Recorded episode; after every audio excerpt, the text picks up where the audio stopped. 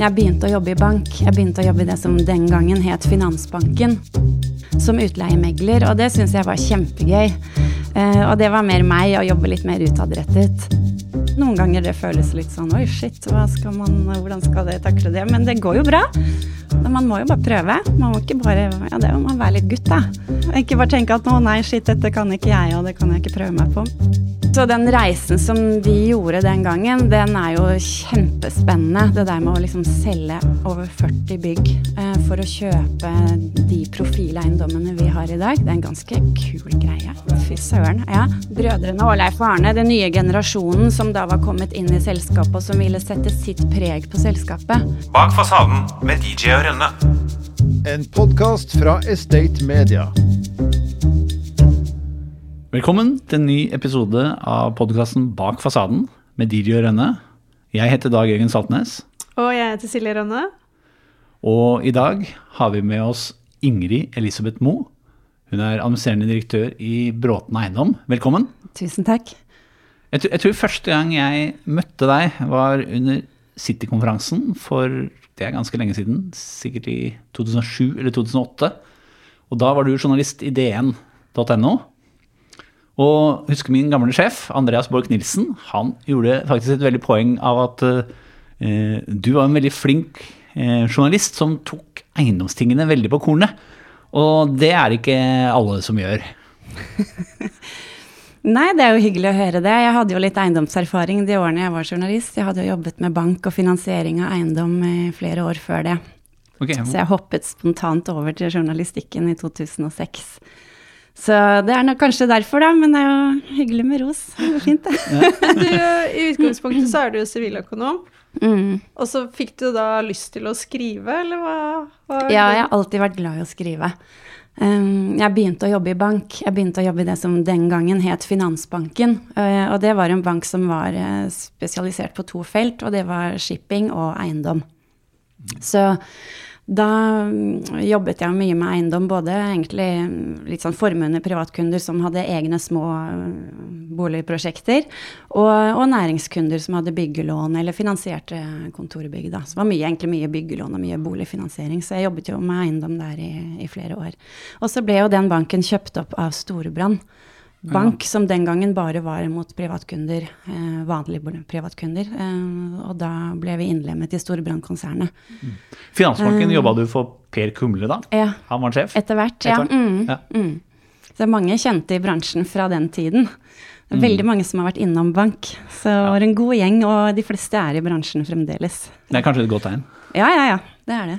Så Vi må litt tilbake fin- til, til journalistkarrieren din. For hva er, Har du noen saker som du liksom fortsatt husker at åh, det var jeg ordentlig stolt av å skrive? Jeg husker vi gravde fælt en gang og fant ut børsinsensitiv informasjon før den ble sendt ut, så da var det noen som svetta borti det. Hva var det da? Det var vel en gang VG-huset ble solgt. Ah. Ja, så da hadde vi noen skilter som, eh, som kanskje sa litt for mye, og da, da var det noen som svetta litt i Skipsstedssystemet. Eh, Det er bra. Da, Det mersmak? Nei. det var ganske gøy. Altså, nei, da, det var en blanding av å, av å ha litt sånne gravesaker og, og jobbe. Jeg jobbet jo på nettsiden, så vi hadde jo en turnus, og noen uker var du jo deskevakt, og andre uker fikk du bare sitte og jobbe med ditt eget, så det var egentlig en fin kombo, det. ble mye forskjellige veldig- temaer, da. Mye forskjellig. Masse gøy. Jeg jobbet jo med privatøkonomi og jeg hadde de, liksom, mine uker sammen med mitt team. Og da skrev jeg jo mye om eiendom. Reiste rundt på sånn som City-konferansen og, og eiendomskonferansen til State og andre ting, og skrev saker derfra. Det var jo kjempegøy. Og lærerikt. Fikk jo, ikke sant? Det var gøy å komme inn på mye. Var det da du fikk smaken på, holdt på å si, å gå mer inn på eiendomssiden? Ja, jeg hadde jo eiendomserfaring, men, eh, men så fikk jeg et jobbtilbud fra DNB eh, om å komme inn i DNB næringsmegling og analyseavdelingen og jobbe mye med markedsrapport, og for så vidt fortsatt skrive litt om eiendom, eh, men jobbe på analyse, da. Så da begynte jeg i DNB i 2008. Um, Og da var du tolv år? ja Eller lenge? ja, Nei, ti? Ti? okay. ok. Ja. Men hvorfor, eh, hvorfor sluttet du? Følte du ikke at du kom noe videre i systemet, eller? eh? Nei, jeg følte at jeg kanskje var ikke helt meg å være analytiker. Eh, Så etter hvert så begynte jeg jo på utleieteamet i, i DNB næringsmegling som utleiemegler, og det syns jeg var kjempegøy. Uh, Og det var mer meg, å jobbe litt mer utadrettet. Um, Så da var jeg der uh, kanskje et par år, og så fikk jeg et tilbud og en telefon om at Bråten skulle opprette en stilling som utleiesjef. Um, og derfor hoppet jeg. Så tenkte jeg Bråten Eiendom det er jo et av de kuleste selskapene å jobbe for, så det må jeg jo bare prøve. Og så ble det sånn. Ja. Ja, Hadde du samarbeida litt med de før da, eller? Nei, jeg kjente Eller jeg hadde møtt Leif Arne Ja. i et møte. Um, men kjente dem ikke. Jeg hadde ikke samarbeidet med dem. Men det, han var jo veldig synlig og kjent i bransjen. Um, Så jeg hadde møtt han et, eh, ja, Han var i et møte i banken, for de var jo bankkunder i DNB den gangen. Um, Og nå er du administrerende direktør i Bråten Eiendom. Det virker Ja. som om du eh, tar de utfordringene du får. ja da, det gjør jeg. Men eh, er det, er det sånn, tenker du mye, eller eh, hopper du på? På det? Ja. Nei, jeg hopper vel egentlig litt på, men det har egentlig bare blitt sånn gjennom tiden. Og jeg har alltid fått litt store utfordringer, og det er jeg på en måte liksom vant med i livet. Så det, det er jo noen ganger det føles litt sånn oi, shit, skal man, hvordan skal det takle det? Men det går jo bra. Ja. Man må jo bare prøve. Man må ikke bare Ja, det må være litt gutt, da. ja, det er jo Ikke faktisk sant? Ikke bare tenke at å nei, shit, dette kan ikke jeg, og det kan jeg ikke prøve meg på, men bare ja. Det går jo som regel bra. Mm. Så du har ikke planlagt en karriere? Nei, jeg har jo aldri planlagt så mye, egentlig. Det var for så vidt tilfeldig at jeg begynte med eiendom med at jeg begynte i bank. Jeg var jo eh, jeg, var jo, jeg jobbet jo der i sånn ekstradager hvor man ikke hadde studietid og sånne ting, så jeg kom liksom inn litt sånn bakveien, og så har det egentlig bare blitt sånn. Det var ikke sånn, Jeg tenkte da jeg var liten at jeg skulle jobbe med eiendom, egentlig. ikke sant? Det, blir, det går seg jo litt til. Um, men eh, ja, mulighetene har kommet, og, og så har det jo gått som det har gått. Mm. Når yrkesstolthet er standard, blir høy trivselsfaktor på arbeidsplassen en selvfølge. I Bundegruppen vet vi at det er du og jeg som kan utgjøre forskjellen. Derfor er vi så opptatt av verdigrunnlaget vårt – folk. Folkeskikk, orden, lagånd og kundefokus. Folk skaper verdier, og verdier skaper folk. Finn ut mer på bundegruppen.no. Men du er jo fra Tønsberg. Nei, Nei, du er fra Sandefjord. Ja. Jeg er fra Du er fra Tønsberg. Tønsberg. Ja. Eh, men jeg kjenner jo en del folk i Sandefjord, og det som jeg tenker med de, er at veldig mange av de er eh, De har, liksom, de har god utdannelse, de er veldig folkelige og flinke. Eh, og litt gærne på fest. Ja. Kjenner du deg igjen i det? Det er mange som er glad i fest i Sandefjord. Jeg er nok en av dem. Ja da. Glad i fest, glad i å danse. Ja, det er bra. Mm. Men Hva gjør du når du holdt på å si ikke fester? Hva gjør du når du skal slappe av eh, og kose deg? Um, nei, jeg er jo mye med familien min, da. Det er jo de vanlige svarene, for så vidt. Familie og venner og mye på hytta. Vi er veldig hyttekjære. Men er, um, jeg har jo to gutter og en samboer og en hund. og rekker jo ikke sånn all verdens utenom jobb og familie, det må jeg jo innrømme. Sånn er jo tiden blitt nå. Vi har fortsatt barn som trenger sånn noe oppfølging. Vi er ikke helt der ennå at jeg kan bruke all eh, fritiden på meg selv. Så nei, det er jo mye gutta. Gutta hjemme. Men eh, du sa jo i den sommerspalten som vi hadde, eh, da hadde du vært i hvert fall på Veiland, som jeg skjønte at dere har hytte der. Eh, og det, det lurer jeg på, nå har det liksom blitt litt sånn porsj blant eiendomsfolk? For nå føler jeg at det er ganske mange eiendomsfolk som eh, har hytte Ja, det er det i hvert fall noen. Ja. Ja. Nei, jeg kommer fra Sandefjord, så har jeg jo ønsket å ha hytte i det området lenge. Men vi, så vi var på utkikk i mange, mange år. Og skulle egentlig Trodde vi skulle kjøpe en hytte på Hanke som vi hadde leid i mange år. For den har samboeren min Henrik leid i veldig mange år, så det var egentlig litt planen. Så gikk den så høyt i verdi den gangen den ble solgt. Så da ramla vi over denne her på Veiland, da. Under, ja, I starten av pandemien, så det var vi ganske heldige med timingen. Før det begynte å klatre ordentlig oppover. Ja. Så jeg er veldig fornøyd med det. Jeg ville veldig gjerne være nære Sandefjord, for jeg har jo mange venninner som bor der. Men er det sånn at du møter sånn Erik Trygg på den Gyros eller hva den kiosken heter? Hvor han, han kjøper til Jeg har sett han på løpetur noen ganger. Kona først og han bak. Ja, mm. ja da. Men hva er det du gjør der? Der er det mye Jeg vil ligge helt i vannkanten, så det er jo mye å ta vare på. Hytta, gå tur i skogen, eh, Eh, venner, eh, god mat. Elsker å ha liksom langbord i hagen og få til det med mange besøkende. Mye bading. Mm. Gutta er jo veldig sånn ut og surfe, ut på vannski, og jeg er jo ikke helt der, men det er deilig når de liksom har noe å gjøre og leke med pappaen sin, og så ja. kan jeg gå tur med bikkja. Hvor gamle er de? De er 11 og 14. 11 og 14. Mm. Så nei, det er et fantastisk sted. Det vet jo sikkert du, Silje. Ja, det er en helt nydelig, frodig, deilig øy. Ja. Veldig fint. Du kommer jo veldig sånn eh, i ett med naturen. Det er sånn digg å gå tur der. Og ja. Sånn Litt mye flått bare, er det ikke det? Ja, vi har flåttvaksine, da. Så det er, jeg merker ikke så mye til flåtten, men du merker det på bikkja. Ja. Mm. ja. Da slipper du å ta båt til Sandefjord hvis du hadde vært på Hanke. Ja, jeg må jo ta båt likevel, da. Ja, vi tar jo båt til hytta, kanskje. men uh, ikke så langt, nei. ja.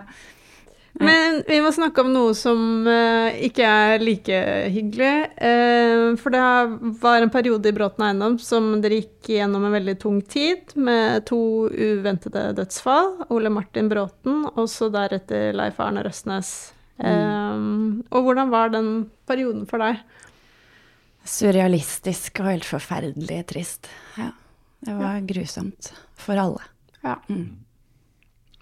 Um, det skjedde så fort, og begge var jo helt uventet.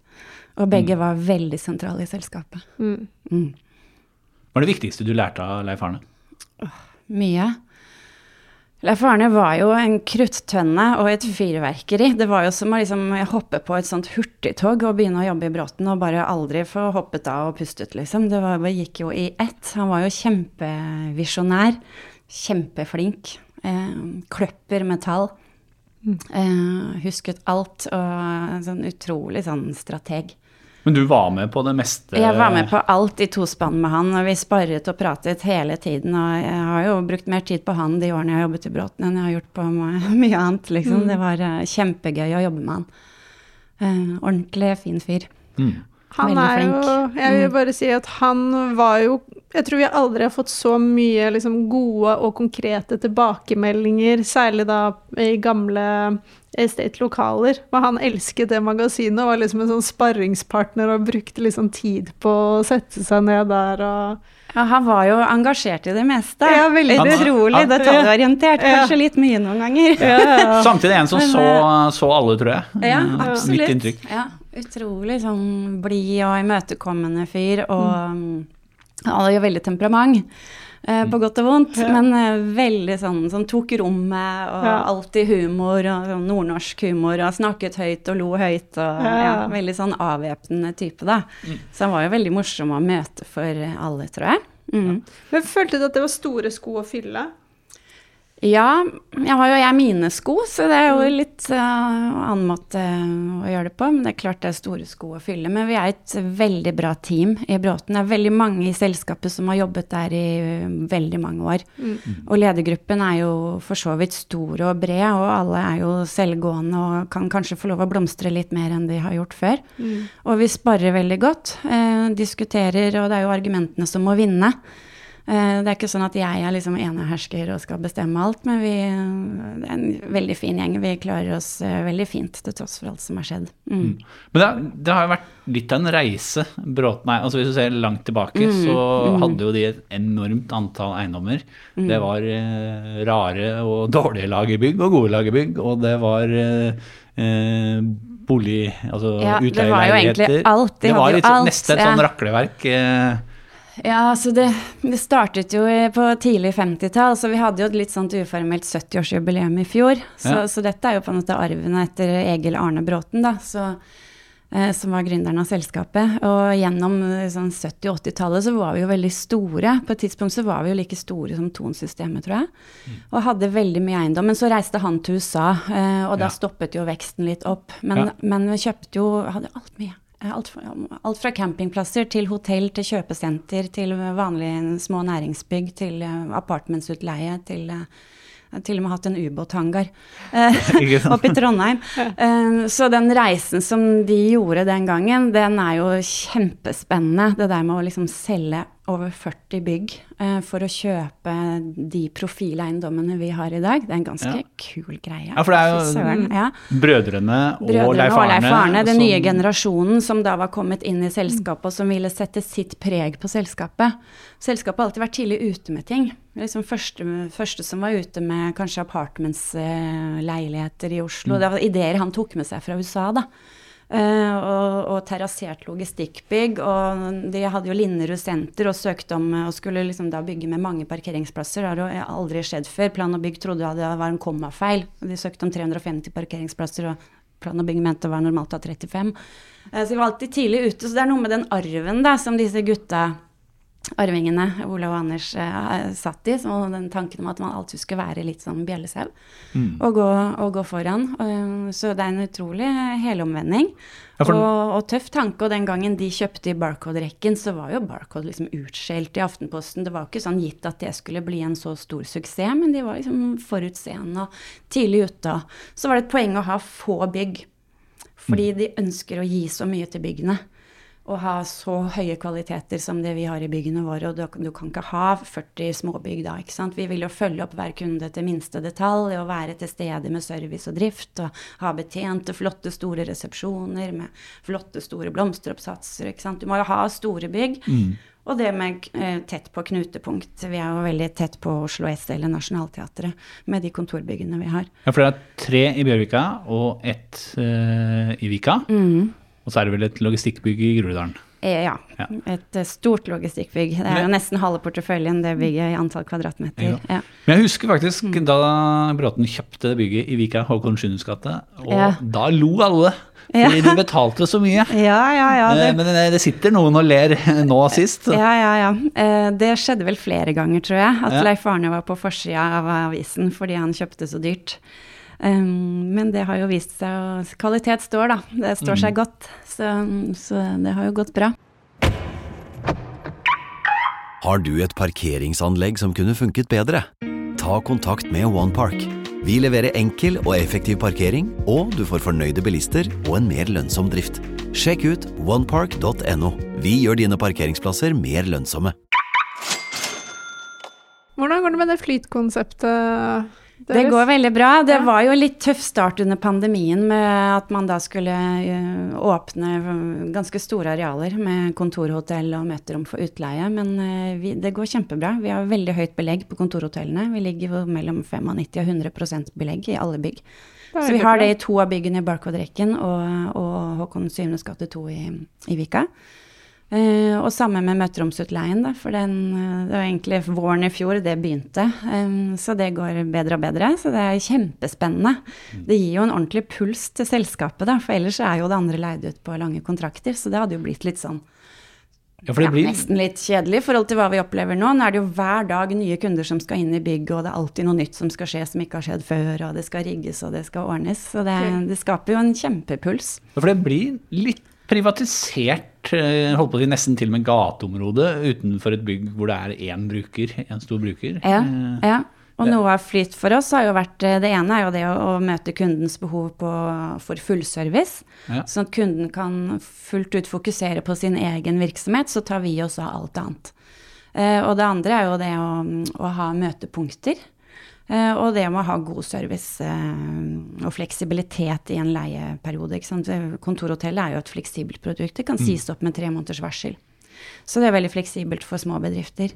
Men det å åpne opp byggene for, eh, altså for nettverksbygging og få inn nye kunder, og kanskje man kan, kan, kan oppleve noe annet, da. Oppleve nye kunder i heisen, eller eh, ikke sant. Og det kan gi noen muligheter. Men- Så vi vi åpner jo opp egentlig restaurant Håkon i Vika, er jo åpent for eksterne, og vi kan ha event uh, hos, Ja, det det- hos det disse restaurantene våre, da. Så, Ja. Og møteromsutleie og auditorium i tre bygg. For det var det jeg lurte litt på med Håkon. Hvordan fungerer det nå? Får dere mange eksterne gjester utenfra? Ganske Er det en god liksom, kombo?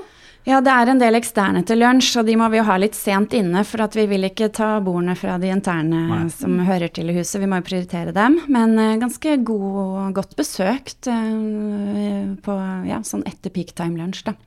Eh, For de som sitter i byggene rundt. Og så har vi jo dette auditoriet under restaurant Håkon også, så man kan jo kombinere det med å ha et arrangement og, og frokost eller lunsj i restauranten. Så det, der er det en del eh, besøkende, og det er jo fordi det ligger på gateplan. Vi har jo egentlig det samme konseptet i de andre kantine, kantinerestaurantene, men eh, de ligger jo oppe i etasjen. Men ville det, jeg, har dere tenkt på å prøve å ha den restauranten på kvelden, eller funker ikke det? Den som, eh, vi har aldri tenkt at det er så godt eh, Den er kanskje ikke god nok beliggenhet for det. Nei. så driver, eh, driveren, det er jo Dugur som driver hos oss i, Ja. i alle disse tre byggene.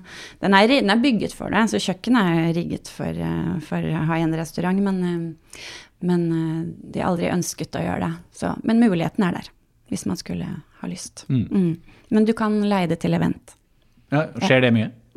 Noe. Uh, mm. Vi skal jo ikke ha all slags eh, sånn fyllekalas der. Det skal være litt ordentlig. Um, men det er nok eh, ikke det veldig for deg, hyggelig lokale. Jørgen. Et veldig hyggelig lokale. Sånn typisk sånn bedriftsevent. Mm. Ja. Jeg skrev akkurat uh, nå nylig en sak om et nytt bærekraftlinka lån. Ja. 1,4 milliarder. Den snappet du opp fra linken din? Ja, ja, ja. mm. Og der uh, lurer jeg på, får dere bedre betingelser på sånne lån? Ja, man gjør jo det. Nå kan ikke jeg si så mye om det, da, for Nei. det er jo en taushetsplikt rundt det. Men eh, du får jo noe bedre betingelser, ja. Så er det jo det å være frem i skoa. Vi er jo, prøver jo å være frem i skoa på, på bærekraft så godt vi kan, men det, dette pusher det jo enda litt mer. For det er tilknyttet rene KPI-er som skal nås hvert år. Eh, og den rabatten på eh, marginen, på lånemarginen, den er jo knyttet opp til hvor, hvor godt du klarer disse tre målene. Og det er ganske strengt. Eh, handelsbankene de er jo redd for grønnvasking. Så mm, det er eh, veldig konkret og, og, og ambisiøst. Mm.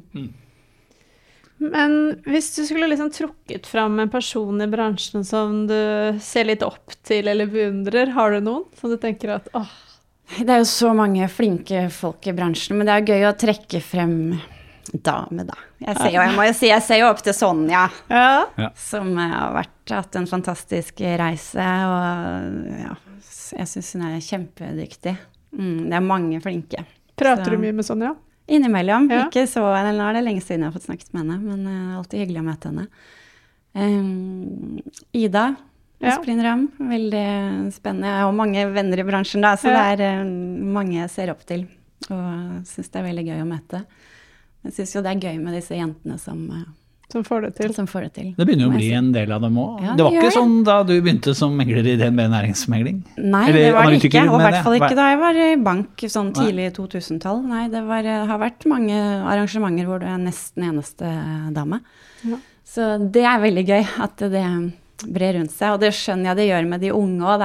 Nå har jeg alltid vært for gammel til å være i Ung i næringseiendom. Jeg var for gammel den gangen det ble etablert. Men jeg, jeg har jo et inntrykk av at det, det, det blir bedre og bedre. Den kjønnsbalansen i bransjen. Absolutt. Nå er jo jeg for gammel til å være en, være en del av det, men jeg fikk jo med oppstarten. Så det Ja. Jeg tenker jo veldig mange av de i hvert fall som jeg har knyttet nettverk med da, er mange av de jeg er gode venner med Mm. fortsatt. Mm. Men uh, mannen din, han er jo transaksjonsrådgiver i maling. Mm. Snakker dere mye om eiendom hjemme? Det hender. Ja. Ikke alltid. Um, men det er jo Han har jo vært i bransjen like lenge som meg, så det, vi kjenner jo mye til det som skjer da. Så det hender jo. Mm. Møttes dere over en bransjepils, eller var det Nei, vi møttes i Storebrand. I Storebrand Bank. Vi var kollegaer. Ja. Ja, så han var der um, samtidig med meg. Og mange andre. Anders Bokart var der, og det er mange kjente som var der da. Ah, så gøy. Hvordan, ja. Hvordan håndterer du da work-life balance? Nei, heldigvis har jo gutta blitt litt større, da, så de krever ikke like mye av meg som det Silje opplever nå, tenker jeg. Så det er for så vidt fint. Så eh, nei, vi balanserer det jo godt. Han bidrar jo, han også. Det er, eh, og de er litt De må ordne seg litt selv før trening og lage seg mat og sånn, så de er liksom blitt litt selvstendige på kjøkkenet. Og det er jo gøy, for det er ikke alltid vi er hjemme klokka fire. Så det går, det går med nød og neppe. Ja. Mm. Har du lange dager? Det hender. Ikke så lange dager, men uh, kan jo jobbe litt hjemmefra. Er, man er jo alltid på, enten det er uh, mobilen eller uh, PC-en som står på kjøkkenbordet. Men har, har du gjort noen endringer i Bråten eiendom etter at du tok over som sjef der? Um, ikke sånn strukturelle endringer, det har vi ikke gjort. Vi var jo, Da alt dette skjedde, så var vi jo helt i starten av dette med flyt på møte og vent og auditoriumsutleie. Ja. Så det har vi jo liksom hatt mye fokus på, å få det til å skli og få de ulike avdelingene til å jobbe godt sammen for at det skal fungere. Uh, og så har vi jo jobbet veldig mye med den Deloitte-kontrakten. Mm. Um, som vi signerte i mars, men da var det jo, hadde vi holdt på med den siden før Leif Arne døde, faktisk. Uh, så det gikk mye av det året til. Um, og så skal vi jo fortsette som før. Vi skal ikke gjøre store strukturelle endringer. Vi har jo vært gjennom en kjempereise med de mm. årene som har vært, egentlig. Så vi skal jo fortsette det samme løpet. Vi skal ikke selge byggene våre. Vi skal, eh, vi skal pleie kundene på beste vis og ta så godt vare på byggene vi bare kan. Skal du kjøpe så, noe? Så er det jo Ja, vi får se. Vi har jo litt tørt krutt. Men uh, vi er ikke aktivt ute og leter. Men uh, det må jo være noe som er Bråten-wise, uh, da, i så fall. Men så vi får du... se hvilke muligheter som kommer. Vi følger jo med. Mm. Tror du Leif Arne hadde vært stolt av deg nå? Det håper jeg. det var jo han som ville at jeg på et eller annet tidspunkt skulle ta over etter han. Det var liksom hans plan, det. Eh, så skjedde det jo mye raskere enn det, det og på en annen måte enn det, enn det, som var planen. Han ville jo tre av og bli styreleder, og så at jeg skulle steppe opp. Det var hans, eh, det var hans lille plan. Eh, så jeg håper han er fornøyd. Det går veldig bra med oss. Bak fasaden med DJ og Rønne.